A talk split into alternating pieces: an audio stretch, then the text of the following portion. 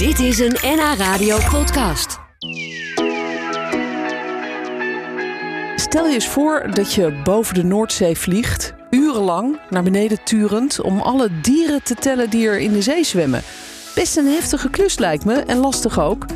Steve Geelhoed uit Haarlem die doet op die manier onderzoek naar zeevogels en zeezoogdieren. En hij is net terug van een maand lang vliegen boven zee.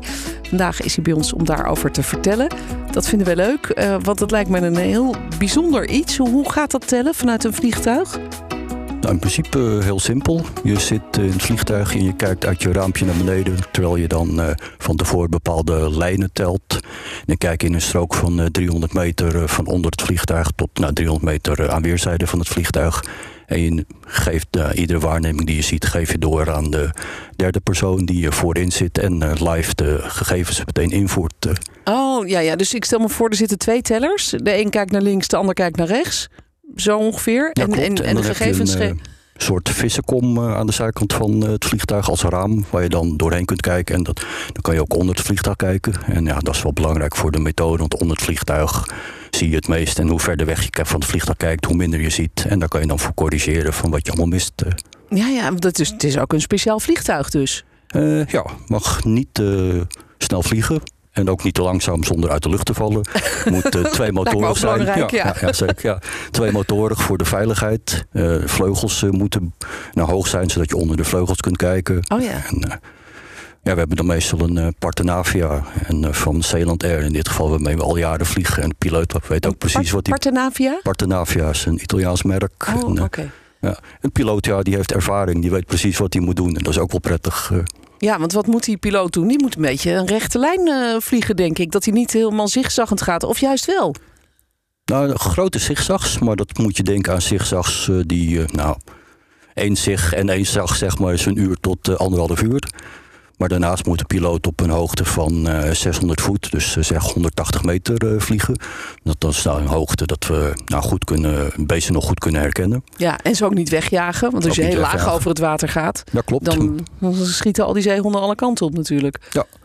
Nou, meestal uh, reageren ze, lijkt het, lijkt het dat ze reageren op de schaduw van het vliegtuig. Dus zie je soms wel dat uh, bruinvissen, als die schaduw over ze heen komt, dat ze dan eventjes uh, afwijken van de koers. En wij interpreteren ook vaak, als ze kijken naar boven, ze schrikken. Maar ja. ja dat is natuurlijk menselijke interpretatie. Maar, ja, ja, ze zijn misschien wel verbaasd van wat, wat is dat? En zou het een, misschien een, een roofvogel kunnen zijn die ons gaat opeten? Zoiets, ja. Je moet natuurlijk het zeker ja. voor het onzekere nemen als klein zeezoogdier. Want zo'n bruinvis is maar nou, maximaal anderhalve meter. Ja. Je kan beter schrikken en wegduiken, afwachten tot het echt gevaarlijk wordt en je opgegeten wordt. Ja, lijkt me ook inderdaad. Dus jullie zitten met z'n vieren aan boord. De piloot, een teller, uh, twee tellers en iemand die die data gelijk allemaal noteert.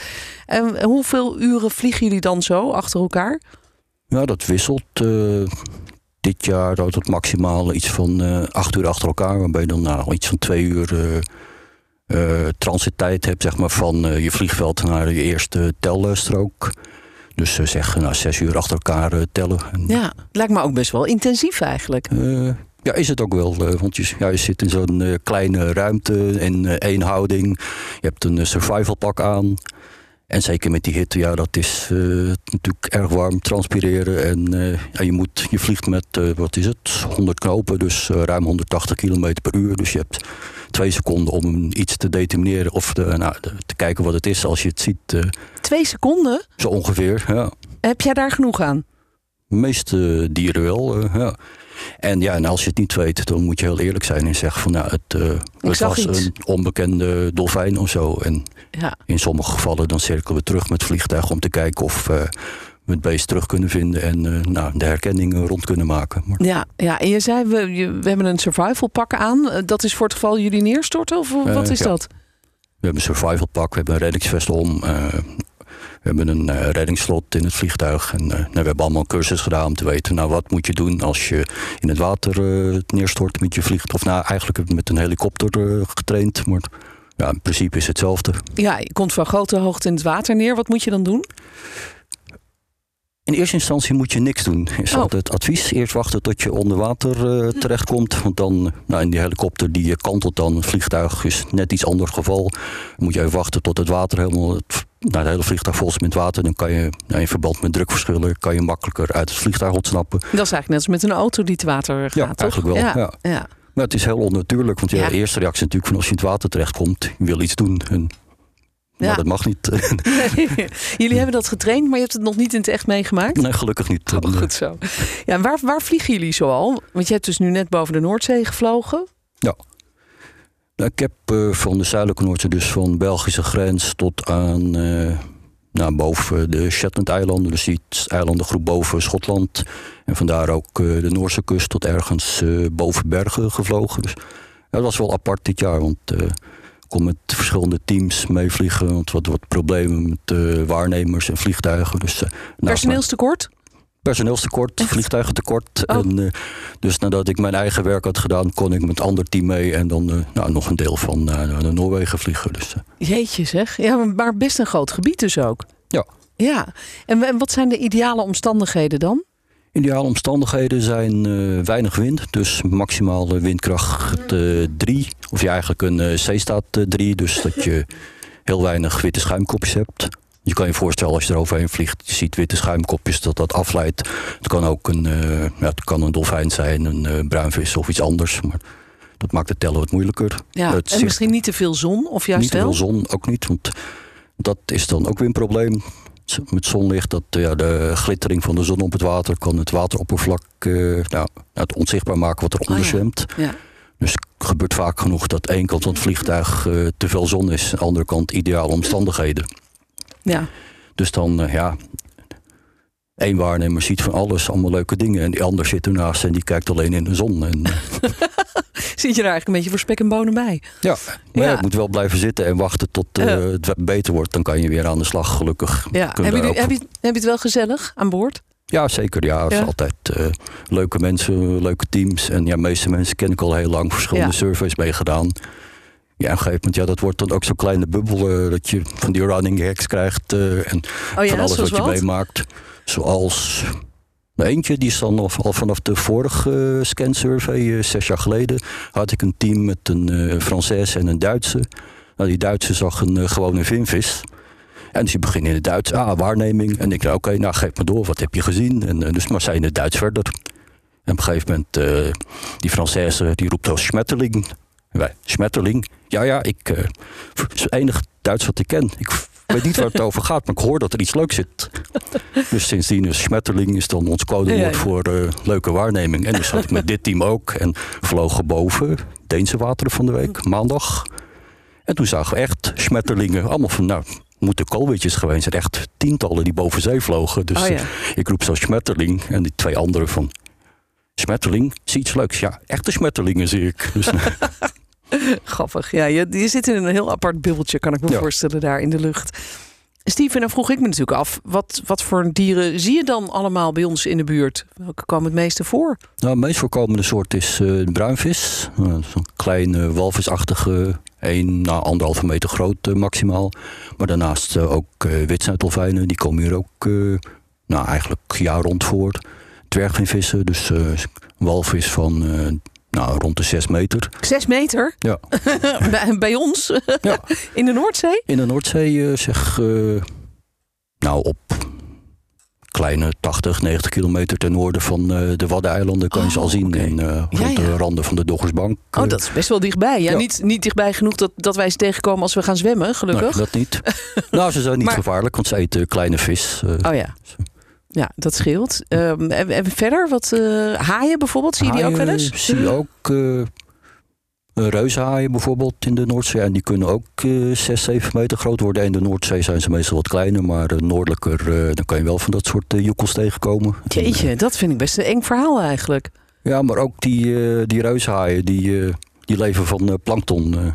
Oh, die Dus leven niet van zwemmers. eh, nee, die leven niet van zwemmers. En eh, ik denk dat je snel genoeg weg bent en dat ze ook wel schrikken als ze een mens tegenkomen en denken van ja, hier wil ik me niet in verslikken, dan stik ik. En eh, Ja, dan ga je wel uit de weg, denk ik. ja, ja. ja. Maar de, en, en deze komen dus niet echt vlak voor de kust voor, toch? Die, die, die zwemmen hier niet vlak bij de stranden. Nee, meestal iets verder weg, dus op de zee. Ja. Heb jij soorten waarbij je hart nog steeds een sprongetje maakt? Ook al heb je ze al vaker gezien? Nou, meeste soorten eigenlijk wel. Je merkt het ook wel met die waarneming. Want als je een waarneming hebt om te eh, registreren, ook bijvoorbeeld plastics en eh dode Jan van Genten deden we dit jaar. Dus dat moet je door aangeven. Als je een waarneming hebt, dan roep je sighting aan welke kant en dan neem je de soort. Nou ja, als je sight een plastic hebt, dan hoor je het gewoon een intonatie. Ja, dat is sight, sighting, white plastic on the right. Ja, maar white Maar dan- plastic kan dan zijn een, een, gewoon een stuk plastic wat stuk in, de- in de plastic, zee en, eh, ja. drijft. Oh, dat houden jullie ook bij. heel er ook bij. eh, ja. Oh. Maar die hoort het altijd. Bijvoorbeeld als je een bruinvis ziet, dan hoor je ook meteen een intonatie. eh, sighting. En van, oh, dit is iets leuks. Ja, en dan ja, is het een bruinvis. Dus ja, nog, iedere keer nog als je een bruinvis ziet, klein beetje dat adrenaline-kickje. En, maar ja, daarnaast natuurlijk heb je ook eh, andere beesten, groepen witsnuitdolfijnen bijvoorbeeld. Dat blijft ontzettend mooi om te zien. En, Prachtig. eh, en ja, naast eh, gewone vinvissen een paar keer gezien, maar ook eh, bijvoorbeeld eh, iets geks als een eh, maanvis. Dat is eh, eigenlijk een grote, platte, ronde schijf, een soort pizza. ook zo'n heel langzaam zwemmend beest, maar eh, ja, het leeft ook van eh, plankton, kwallen. En kan ook tot eh, drie, vier meter eh, groot worden. Zo, ja, dus dan vlieg je er overheen. En wat roep je dan als je, de, als je zo eentje in het vizier krijgt? Als ik heel professioneel ben, dan roep ik eh, afhankelijk van de kant waar ik zit, sighting left, mola mola, one. Oké, maar meestal Maar meestal is het wel van, ah, nice, mola mola. Mona. Ja. Oh, wat grappig. Ja, zo'n beest, ja, zo is leuk. Mooie wetenschappelijke naam. En komt overal ter wereld voor. Je kan ze overal zien. En ja, het blijft Ja. leuk om die te zien. Ja, en van bovenaf ziet het er dus uit als een grote drijvende pizza. ja. Ja, grappig. En we hoorden laatst dat die walrus, Freya, die eh, eerst in Den Helder was en daar op allemaal bootjes klom, dat hij naar Oslo gezwommen was. En, en daar is, eh, is doodgemaakt door de autoriteiten, omdat ze gevaarlijk zou zijn. En omdat er zoveel mensen op afkwamen. Heb, heb jij wel eens walrussen gezien in de buurt van Nederland? Of deze Freya misschien? Eh, ja, deze vrijheid toevallig in Den Helder. Ik denk vorig jaar ergens. Wanneer was dat? Ja. En eh, ja, dus het blijft natuurlijk eh, vreemd. Zo'n beest dat eh, dan zo'n leefgebied ontvlucht. En dan in druk delen van West-Europa komt. En dan eh, doodgeschoten wordt omdat het overlast zou veroorzaken. Terwijl ik eerder denk van ja, het is andersom. Laat, mensen laten Ja. het beest met rust. Dan eh, is er ook geen overlast. eh. Ja, stuur die mensen weg. Ja. Kom je ook wel eens iets tegen waarvan je echt geen flauw idee hebt wat het is? Want je, je ziet dus van alles drijven. Containers, plastic, dode vogels, zwemmende dolfijnen. ehm. maar is er ook wel eens iets waarvan jullie allemaal denken... nou, wat, wat zou dat kunnen zijn? Eh, ja, dat gebeurt ook. Want de laatste vlucht bijvoorbeeld ook zag ik net achter het vliegtuig, eigenlijk net iets laat, zag ik eh, wat water opspatten en ja, iets groots wegduiken. En dan zie je dan eh, ja, de zogenaamde footprint, eh, ronde cirkels van de beweging van de staart, zag er nog wateroppervlak. Ja, denk van ja, dit is iets groots. En dat was dan voor de kust van Denemarken ja, een dwergvinvis. Maar ik dacht ook kleuren te zien. Ja, misschien wel een orka.